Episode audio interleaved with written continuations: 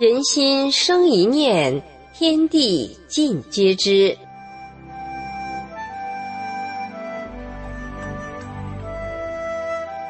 听众朋友您好，欢迎收听明慧广播《善恶一念间》节目。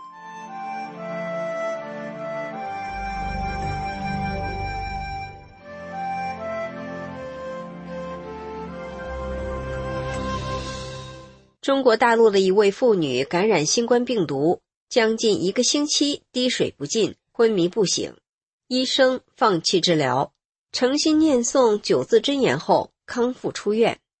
请听病人的妹妹讲的故事。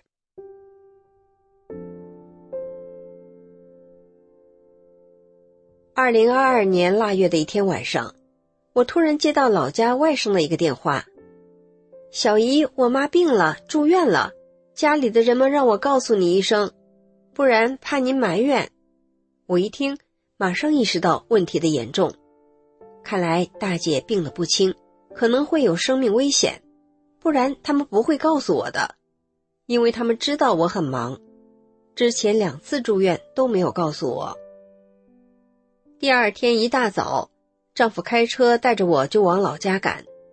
因为当时正值疫情爆发时期，大姐所住的医院也挤满了人，连楼道里都是输液的病人。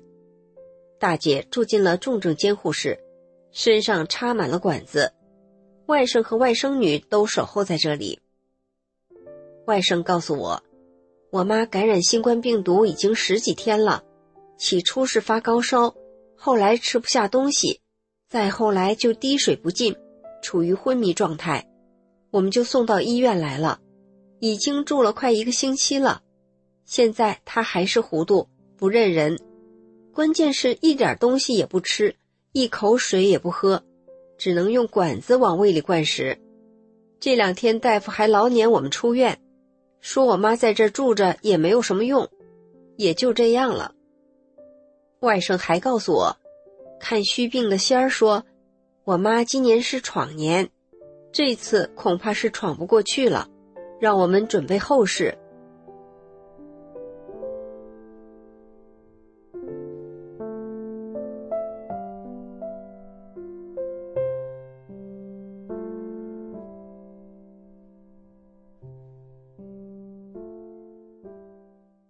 我走到大姐身边，轻轻的喊了两声：“大姐，大姐。”大姐慢慢睁开眼，呆呆的看着我。我赶紧说：“大姐，您还记得法轮大法好，真善人好吗？”大姐默默的摇摇头。我接着说：“大姐，您念法轮大法好，真善人好。”大姐又毫无表情的摇了摇头。我看着大姐的眼睛，又重复了一遍：“大姐，你念法轮大法好，真善人好。”这一次大姐好像记起了什么。对着我会意的点了点头。以前我曾经给大姐讲过法轮功真相，还给大姐听过师傅的讲法录音。这些年因为各种原因，我很少回家，很长时间没有见到大姐了。我想大姐肯定把这九字真言忘了。我这次回来一定要让大姐记住法轮大法好，真善人好。我站在大姐身边。静静的帮大姐念了一会儿“法轮大法好，真善人好”，然后就把提前准备好的插卡小音箱拿了出来，开始给大姐听普度济世和帮您过劫难这三首音乐。我嘱咐外甥和外甥女：“你妈只要醒着，就给她听这些音乐，这对你妈恢复健康有好处，对你们所有听到音乐的人都有好处。”但是一定要注意播放的音量和时间要合适，不要影响病房中的其他人休息。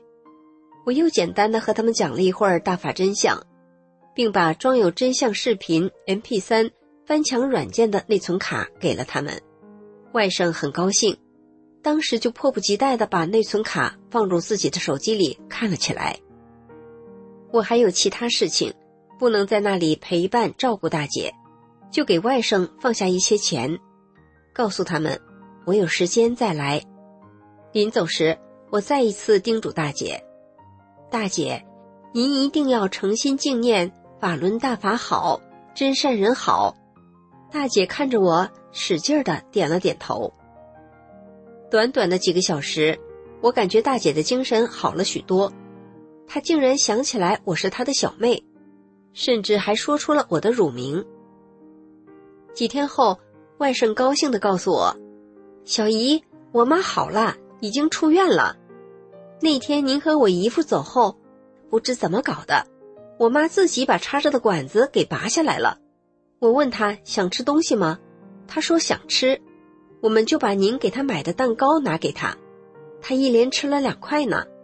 我们又在医院观察了两天，大夫说我妈没什么事了，好了，我们就出院了。现在我妈什么都能吃了。我们正想告诉您呢，您不用惦记着了。放下电话，我来到师傅法像前，双手合十。心中充满了对师傅的无限感恩，谢谢师傅，谢谢师傅。